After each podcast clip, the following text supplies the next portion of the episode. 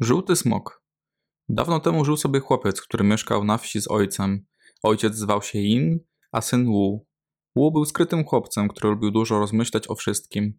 Pewnego dnia Wu siedział przy rzece i w odbiciu wody ujrzał mężczyznę w żółtym płaszczu, który jechał na białym koniu. Mężczyzna miał z sobą czterech służących, a jeden z nich trzymał parasolkę, by chronić swego pana przed słońcem. Chłopiec był bardzo zdziwiony, kiedy mężczyzna przed nim przystanął i zwrócił się do niego. Synu Ina, czy możemy na chwilę odpocząć w twoim domu? Wu wstał i ukłonił się głęboko. Szanowny panie, to będzie zaszczyt dla mnie ugościć cię u siebie. Ojciec chłopca pracował w roli, kiedy ujrzał syna z jeźdźcem w żółtym płaszczu i jego sługi.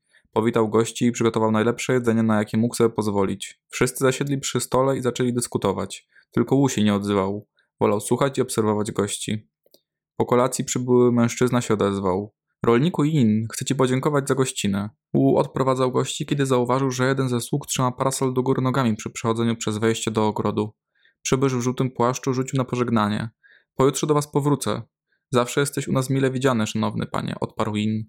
Skąd ten nieznajomy znał moje imię, skoro nigdy go nie spotkałem, pomyślał Yin. Wu rozmyślał o tym samym, po czym rzekł. Tato, zauważyłem, że stopy nieznajomego i jego sług nie dotykały ziemi.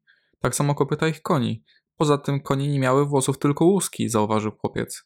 I widziałem, że przybysze zniknęli pośród chmur. Wysoko ponad górami. Nic z tego nie rozumiem, mój synu, odparł ojciec. Zapytajmy babci, mądra z niej kobieta. Babcia wysłuchała opowiadanej przez ojca i syna historii, a potem rzekła.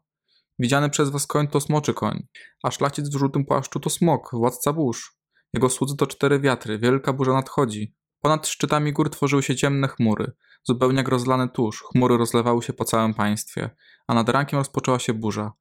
Tak dzika, jakiej nie widziano od lat. Rzeka zaczęła wylewać i cały kraj został pokryty wodą. Tylko nie skrawek ziemi należący do Lina i jego syna. Win pomyślał. Myślę, że odwrócony parasol i obietnica powrotu żółtego smoka musiały coś znaczyć. Nie musimy się bać, na pewno nic nam się nie stanie. Nocą burza straciła na sile, a o poranku wyszło słońce.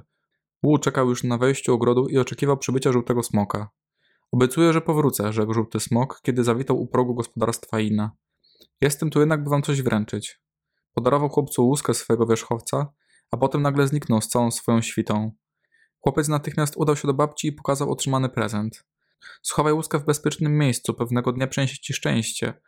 Sam cesarz poprosi cię o nią, rzekła mądra staruszka.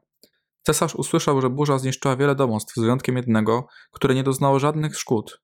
Zaprosił jego mieszkańców, Ina i Wu, do pałacu. Opowiedzieli mu o wszystkim i pokazali szkatułę, w której trzymali podarowaną łuskę. Kiedy uchylili wieko, wydobyło się z niej światło, które rozświetliło cały pałac i ogród. Łuska świeciła jasnym światłem. To nieprawdopodobne, zdumiał się cesarz. Żółty smok dał ci magiczne moce. Chciałem zaprosić cię na mój dwór jako maga. Zgodził się i w rzeczy samej syn Ina czynił cuda. Wu uzdrawiał ludzi i przynosił władcy szczęście. Cesarz był z niego tak zadowolony, że zbudował mu przepiękny dom i pozwolił wprowadzić się ojcu chłopca wraz z jego babką.